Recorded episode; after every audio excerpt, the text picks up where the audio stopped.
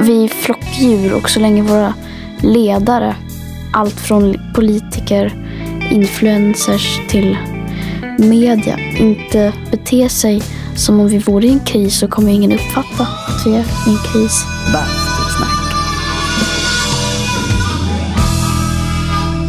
Hej och välkomna till Bastusnack!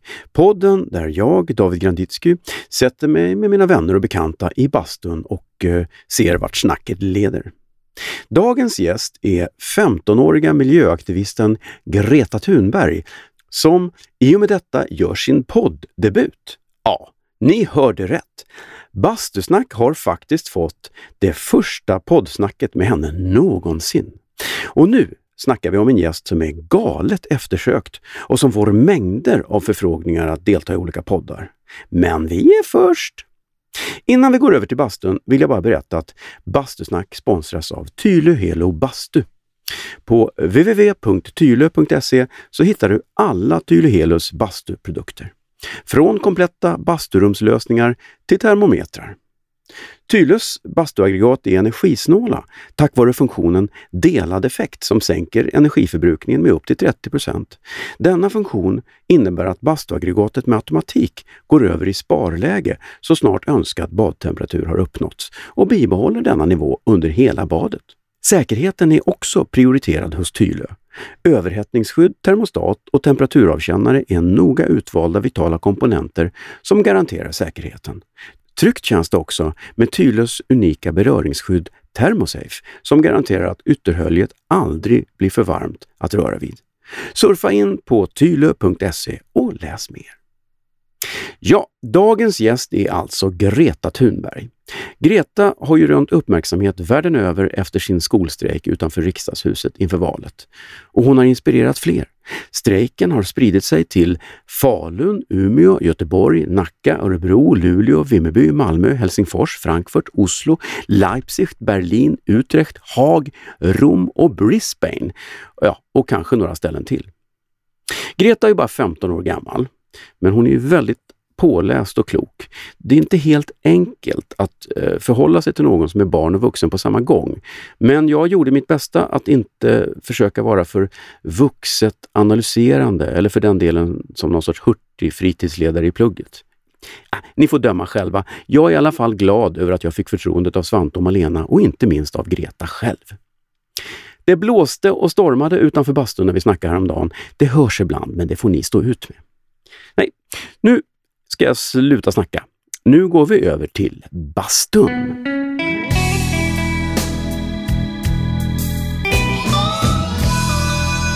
Bastusnack. Välkommen Greta! Tack. Och jag är glad att du ville komma hit. Tack för att jag fick komma hit. Ja, det är super. Du är ju inte helt otippat den yngsta gästen jag har haft här. Mm. Mina gäster brukar vara runt 70. Med några undantag. Vi har, en, vi har ju en, en sak gemensamt, att vi, vi är båda uppväxta i, i skådespelarfamiljer. Mm. Eh, som kanske gör att man... Det är lite annorlunda eh, än vad folk i, i gemen eh, har det så att säga under uppväxten. Mm. Eh, och du var ju jättemycket på resa och sånt när du var liten hela Mm. tiden. Och Mm. hur, hur kändes det? Hur var det? Att alltid åka runt med morsan och farsan? Jag kommer ihåg, um, jag var väldigt, väldigt känslig. Jag är fortfarande väldigt känslig. Jag grät nästan hela tiden när jag var ifrån mamma eller pappa. Så det var skönt att man fick följa med dem. Ja, det är klart. Så du upplevde det var en fördel att du fick följa med, ja, såklart. Mm. Ja, men det är ju Fast fick, fick ju inte följa med hela tiden utan ibland fick vi stanna kvar. Men Mm. det var också väldigt roligt. Kommer jag ihåg. Mycket barnvakter såklart. Det hade jag. Mm. Nej, faktiskt inte. För min pappa var hemmafru. Ah, Så man kan säga så han gav upp sin karriär för att vara hemma med oss barn. ja, men det är ju jättebra. Mm. Våra ungar har ju, vi har ju barnvakt ganska ofta. Ibland är det Mm. till och med så att om det inte blir en barnvakt och vi har sagt det så blir de besvikna. För det är så Mm. tråkigt att de måste hänga med oss.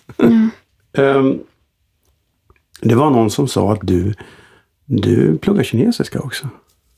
Att du, Det gjorde jag ett litet tag Ja. för ett tag sedan. Men det slutade jag med för jag var väldigt trött och då orkade jag inte med Nej. ett extra språk. Hur mycket, hur långt kom du? Det var grunderna. Mm. Jag har glömt bort mycket. Det gör man ju. Det kanske du kan ta upp igen nu när du får åka runt och prata Mm. miljö. Men när du, när du inte när du inte kämpar för miljön och, och, och håller på, hur har du några intressen annars då? Jag är mycket hemma med hundarna. Vi är mycket på landet och går mycket skogspromenader. Mm. Och så ibland är vi på ett stall. Det är en ideell förening som heter Lära med djur. Där barn med olika funktionsnedsättningar, funktionsvariationer får vara. Och vara där, rida och så ta hand om djuren. Men det känns bra att vara i stallet. Ja.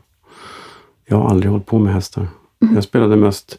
När jag var i din ålder så, så höll jag på mycket med musik. Har du nu, är det musiken någonting du håller på med?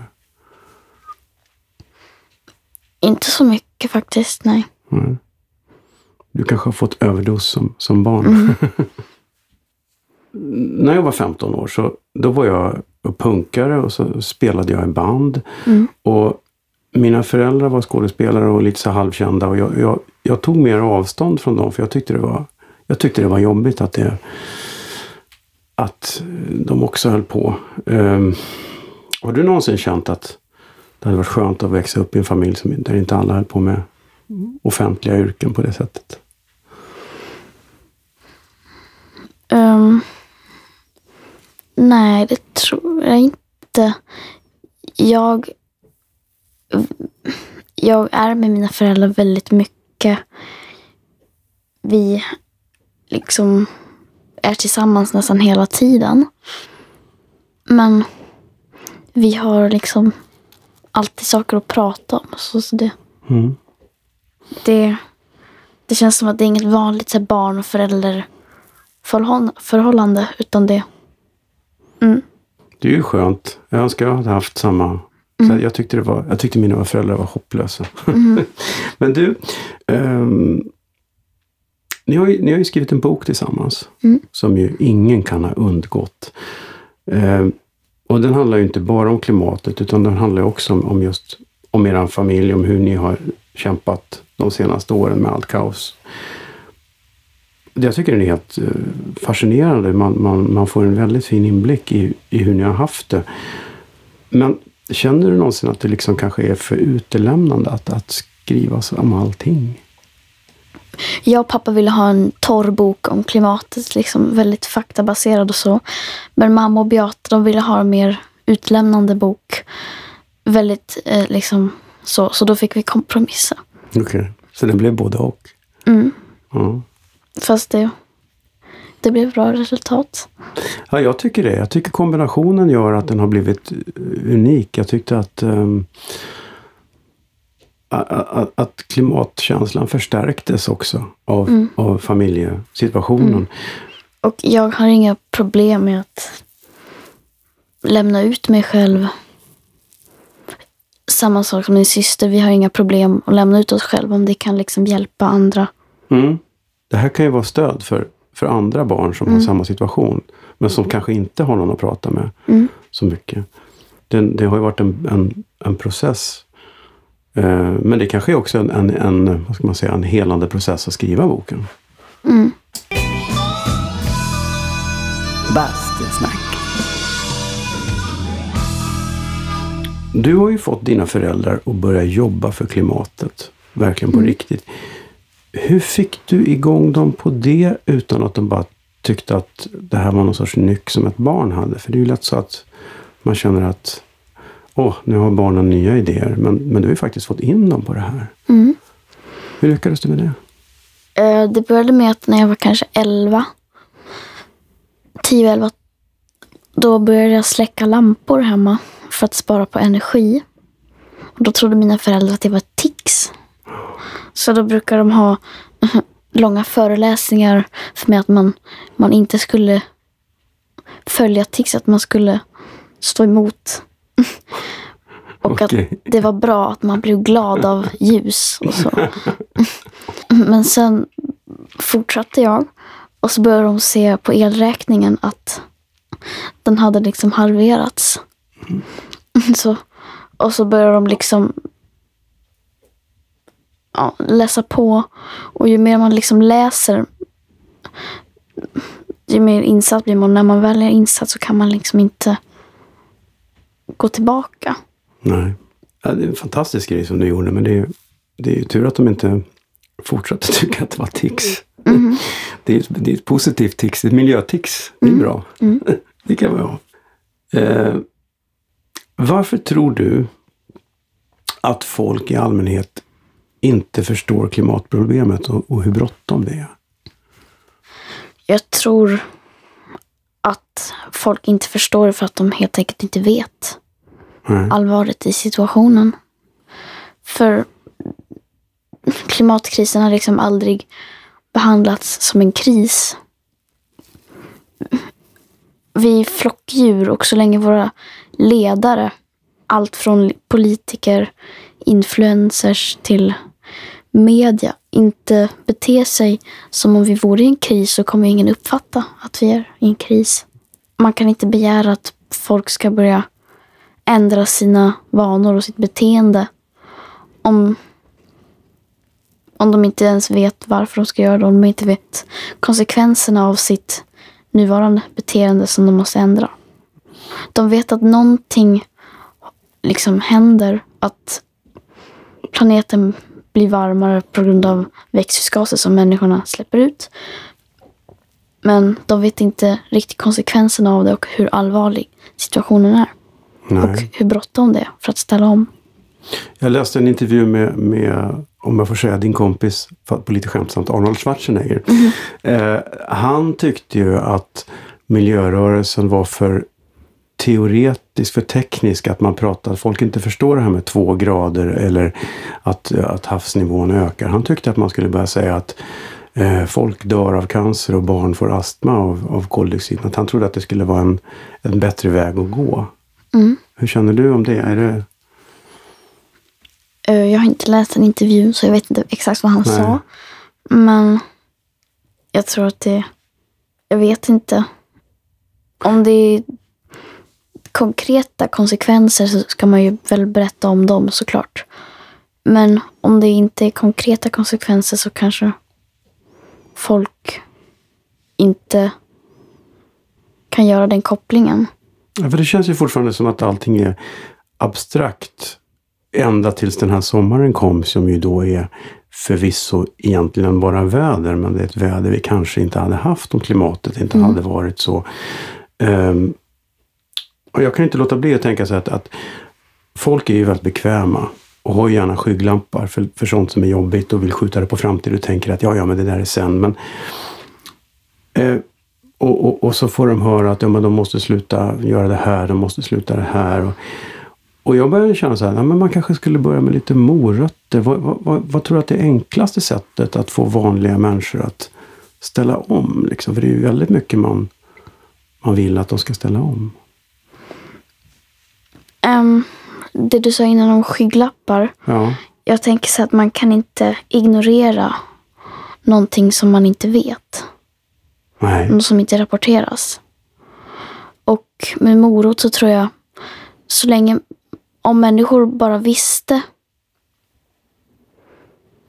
de fruktansvärda konsekvenser, då tror jag man inte behöver en morot för att ändra sitt beteende. Mm. Ja, det är det stora problemet. Hur fasiken ska man få folk att... Hur ska man få folk att öppna ögonen då, tror du? Krävs det en katastrof någonstans att det ska vara jätte, jättemycket orkaner i Florida? Eller när kommer folk att fatta? om man börjar rapportera liksom hela tiden om klimatkrisen och liksom har kanske på första sidan av tidningarna kanske Kielekurvan. Mm. Vad är Keeley-kurvan för något? Då? Det är ett observatorium på Mauna Loa. En, på, i Hawaii. Mm. Em, där man mäter andelen koldioxid. Alltså koldioxidhalten i atmosfären. Och då ser man hur, hur den stiger. Mm. Jag, jag, jag kan ibland känna att det är, det är frustrerande att det är väldigt mycket prat. För det pratas ju ändå... Eh, jag läste på någon hemsida, någon, någon sån här tankesmedja som, som skrev att de stöttade dig och så, i din kamp. Och så stod det jättemycket saker om att eh, det talades hit och dit. Men, men det var väldigt få konkreta eh, förslag. och, och och det handlar oftast om att individerna ska sluta äta kött och sånt. Men det handlar ju, det handlar ju väldigt sällan om att storföretag måste börja ställa om. För det, det tycker jag har hamnat i skymundan. Det behövs ju både förändringar på individnivå men också i systemet. Mm. Och det borde man kanske lagstifta eller tror jag för, ja. Finns det några, känner du att det finns några företag som har förstått det här och som faktiskt börjar jobba lite? Jag vet ju inte alla företags liksom hållbarhetsplan men man kan ju summera det med att utsläppen ökar så de fortsätter inte bara, de ökar till och med. Mm. Så det görs inte närheten av vad som behövs. Nej. Hur, hur stor omställning så behöver vi göra i Sverige då? Nu för, för att lägga i den första bromsen? Ehm, vissa forskare säger att vi måste minska utsläppen med minst 10 procent om året med start idag. Hej! Det här är producenten som talar. Eh, Jag lät såklart Greta faktakolla avsnittet i efterhand och här hittade hon en liten miss. Sveriges utsläpp måste minska med minst 15 procent varje år, inte 10. Nu är det korrigerat. Tillbaks till bastun. Och inom 6 till 12 år så ska vi ha nollups- nollutsläpp. Mm. Men pratar vi om Sverige då eller hela? Ja. Eftersom att Sverige är ett i-land och har bland de topp 10 högsta ekologiska fotavtrycken i världen så måste ju vi förändras först för vi är med i värstingligan. Och det har vi ju skrivit under i Parisavtalet och Kyotoprotokollet att de rika länderna ska gå före. Mm. Så då borde vi väl göra det. Men det gör vi inte. Nej. Frågan är vad det är som har gjort att det har stannat upp. Det känns ju som att i hela valrörelsen nu så var inte miljöfrågan, den, även om den, var, den växte, det är mycket tack vare din insats också, men det var ändå, mm, den stod inte överst. Nej, det är fortfarande bara en fråga som alla andra. Ja. Och sen så säger de, jag vet att man, du ganska, jag hörde Svante sa att du är trött på den här sägningen att vårt hopp står till barnen. Mm.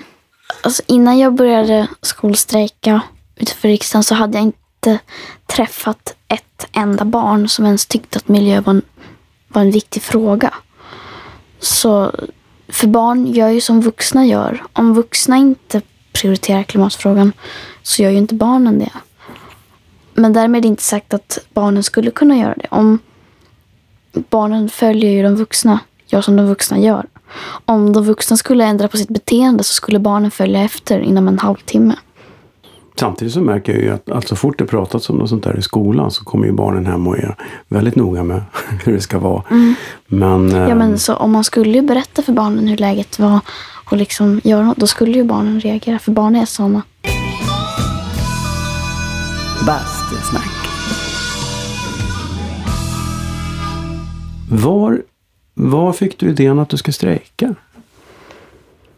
Ehm, jag var med i någon, någon slags grupp, eller det var en grupp människor som hade varandras telefonnummer så skickade en länk via e-mail, man säger, telefonmöte. Och så skulle vi komma på nya projekt som vi skulle göra. Och så i våras så hade några ungdomar i USA vägrat gå till skolan på grund av eh, skolskjutningar. Och då var det någon som tänkte, ja men tänk om barnet skulle göra så fast för klimatet. Eller om man skulle göra någonting på skolgården eller något roligt event på rasterna eller något sånt. Och då nappade jag på ordet skolstrejk, för det har inte gjorts i det här sammanhanget förut. Och så utvecklade jag den idén och så gjorde jag det. Ja. Och det small ju till ordentligt. Det gick ju överallt. För, trodde du att det skulle bli så stort? Nej, det trodde jag inte. Jag trodde jag skulle sitta ensam. Men redan andra dagen kom det människor. Mm. Och jag tror också en av de anledningarna till att det blev så så liksom lyckat, eller vad man ska säga, var för att det var först var det ett barn som gjorde någonting helt själv, bara satte sig ner. Utan att liksom organisera sig, något sånt att man bara säger nu är det nog, nu måste jag göra någonting. Jag tyckte du var så otroligt konkret och tydlig i din skylt som jag tror du hade skrivit någonting som att ni skiter i min framtid, då gör jag det också. Mm. Det budskapet var en sån käftsmäll så att det var, ja, jag, den som inte förstår det är, är lite trögtänkt tror jag. Men har du fått, eh, har du fått någon uppmärksamhet från några politiker som faktiskt sitter i riksdagen eller, eller i regeringen? Ja, många politiker har kommit ut från olika partier. Det känns som att de har, de har de försökt, har de haft något svar på hur de ska förbättra sig? Eller tycker de bara att du är en gullig tjej som strejkar? Ehm, eh, för det första så det var ju precis under valkampanjerna, valtiderna. Så de hade ju väldigt fullspäckade scheman. Mm. Så de hade nog inte tid att stanna så länge.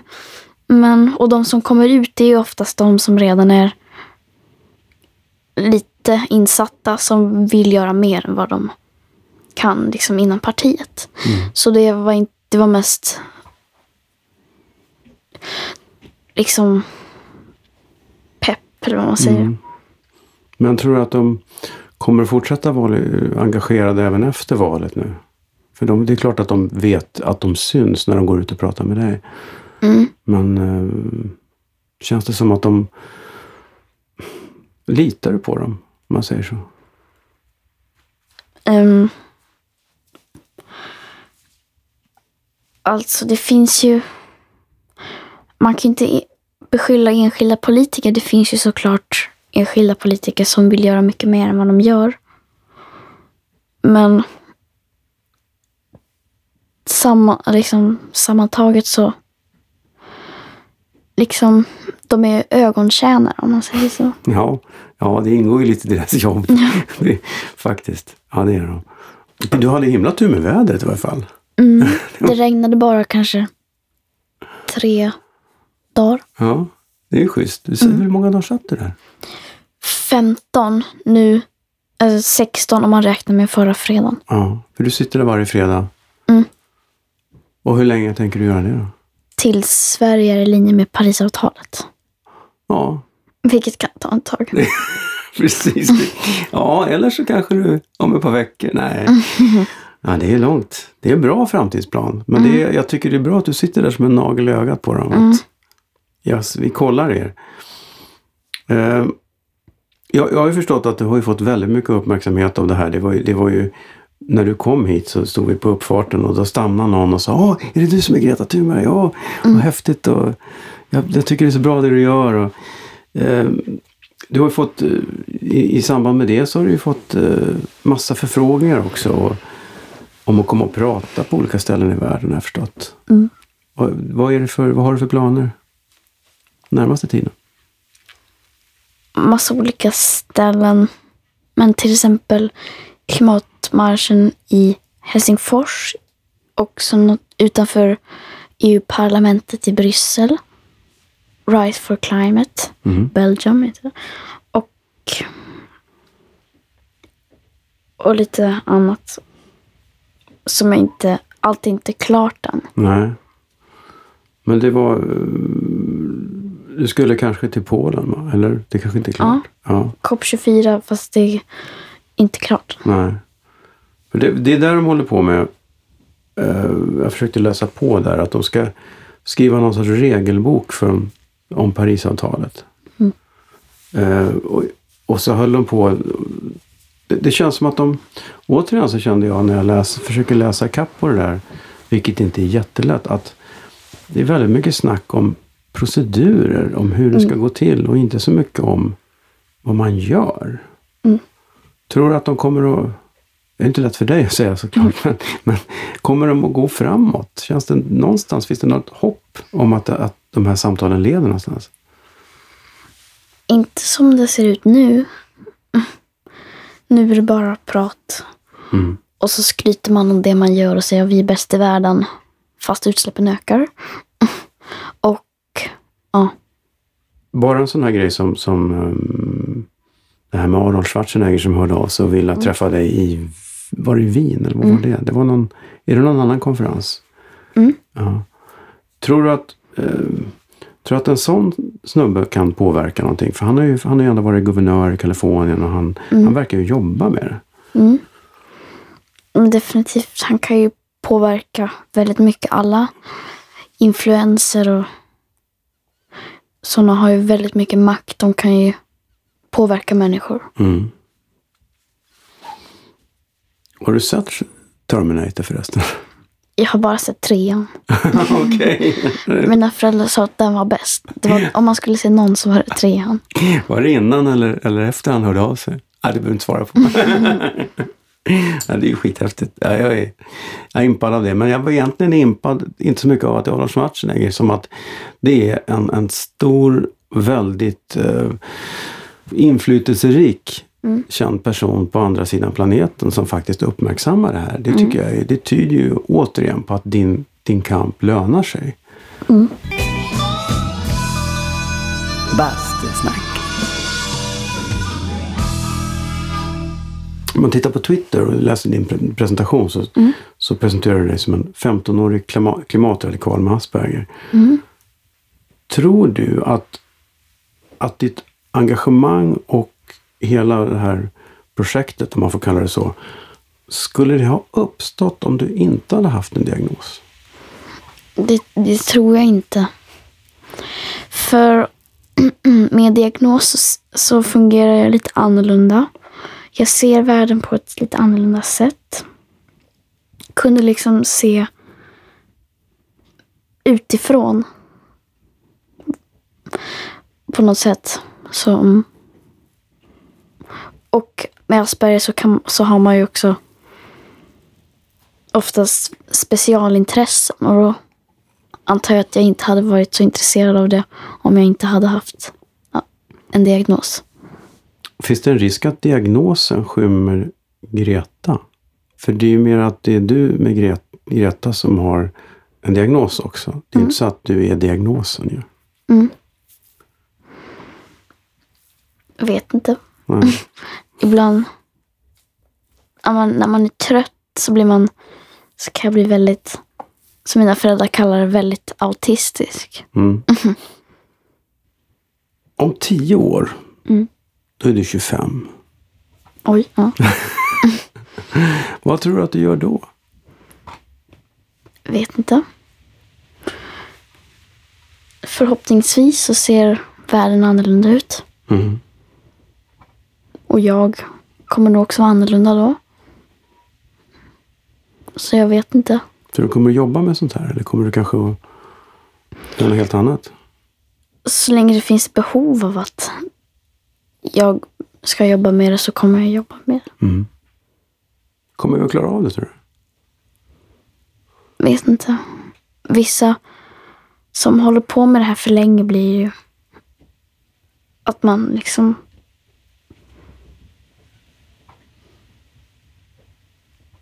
att man blir för arg på att ingenting händer så blir man Fast jag tror att nu är vi i ett så pass läge så att nu måste det hända någonting. Mm. Ja, jag kan känna en oerhörd eh, klimatångest. Mm. När man träffar folk som har hållit på med det här i kanske 20 år så tänker man herregud, hur har de stått ut Mm. med att hålla på med samma sak i 20 år utan att någonting har hänt? Jag känner att ibland så ser man små pyttesteg som har gått framåt. Att, Mm. ehm, jag vet att du brukar notera hur, hur många artiklar om klimatet i DN Mm. samtidigt som och jämföra det med antalet flygannonser för Mm. resor. Jag såg en artikel nu förra veckan om ett rese, en researtikel om eh, eh, Las Palmas, tror jag var. Mm. Och där står, så är det en liten faktaruta där det står hur man tar sig dit. Då fanns det faktiskt en liten not om att man kan faktiskt ta tåget. Det tar 40 timmar, Oj. tåg och båt. Och det hade de ju inte för, för ett år sedan. Nej. Men det kan ju vara ett pyttesteg att de har förstått lite grann. Mm. Ja, men det händer ju saker nu. Särskilt sen i somras så har det ju hänt lite. Även om det bara är skrap på ytan. Men det är... Ja, mina föräldrar brukar kalla det för att det är en kritisk massa som växer. Mm. Att folk blir mer medvetna. Och sen plötsligt så kanske det Välter över. välter över. Ja. ja, jag hoppas det. Mm. det. Det måste det göra. Mm. Du är ju, du är ju en del i sociala medier. Mm. Ehm, och där förekommer ju inte bara kul saker. Det, det, det kommer ju en del dyngspridare också. Mm. Hur känns det? Jag vet inte. Det... Försöker du undvika det? Eller? Jag vet ju folk som inte läser eller som inte struntar i det. Mm. Men ibland så tittar man på det och så skrattar man. För att det, det kan vara roligt ibland. För att det är så absurda kommentarer. Mm. Råkar du ut för eh, klimatförnekare och klimatskeptiker som försöker argumentera? Ja, gud ja. Ja. Hur, hur tar du det? Brukar du vinna diskussionerna eller är de... Jag tar inte upp. Jag svarar inte på det. Nej. För de, deras syfte är att tråka ut, trötta ut människor som jag. Så det, Mm. Mm. Hur är reaktionen i övrigt runt eh, kompisar och sånt där? Var det, kändes det som att det var en bra grej det här? Med, med, med hela din mm, klimatkamp? Eller tycker de att du är tjatig? Jag vet inte. Alltså de i min klass har inte överhuvudtaget sagt ett ord till mig sedan jag kom tillbaka. De, de tycker såklart det är väldigt konstigt att jag gör det. Men jag har bytt skola nu. Ska börja en ny skola på måndag. Mm. Så Ja, men det är bra. Kämpa på. Du Mm. gör ju något bra. Du gör ju något skitbra faktiskt. Det är, som en, det är lite som en, en, en, en film. Det är verkligen den här, den här tjejen som tröttnar och sätter sig där och så, Mm. så händer det något. Du gör ju något helt fantastiskt. tack. Det är, Ehm, och sen är du ju faktiskt på väg att bli mer känd än din morsa. Nej. Hon har inte känt någon konkurrens. Hoppas jag. Nej, hon tycker det bara är skönt att hon får... Att det blir fokus på någon annan. Ja, vad bra. Bastusnack. Återigen, jag är väldigt glad att du ville komma hit. Tack. Vad fantastiskt att ha dig här. Eh, vi brukar alltid avsluta bastusessionerna med att hoppa i sjön. Vågar du det tror du?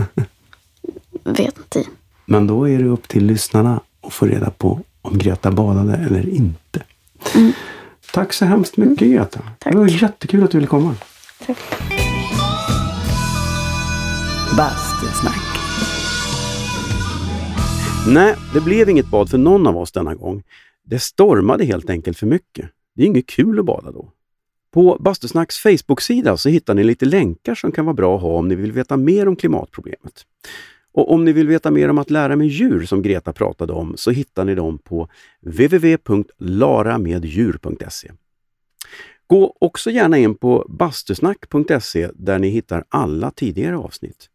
Prenumerera gärna via någon av alla poddappar som finns också så missar ni inga avsnitt i framtiden. Bastusnack sponsras av Tylö Helo Bastu. Det finns ingenting som är så rogivande och avkopplande som ett bastubad. Surfa in på tylö.se och kolla in deras enorma utbud av bastuprodukter. Det var allt för denna gång. Vi eh, hörs igen om en vecka eller två med en ny spännande gäst. Till dess, basta försiktigt.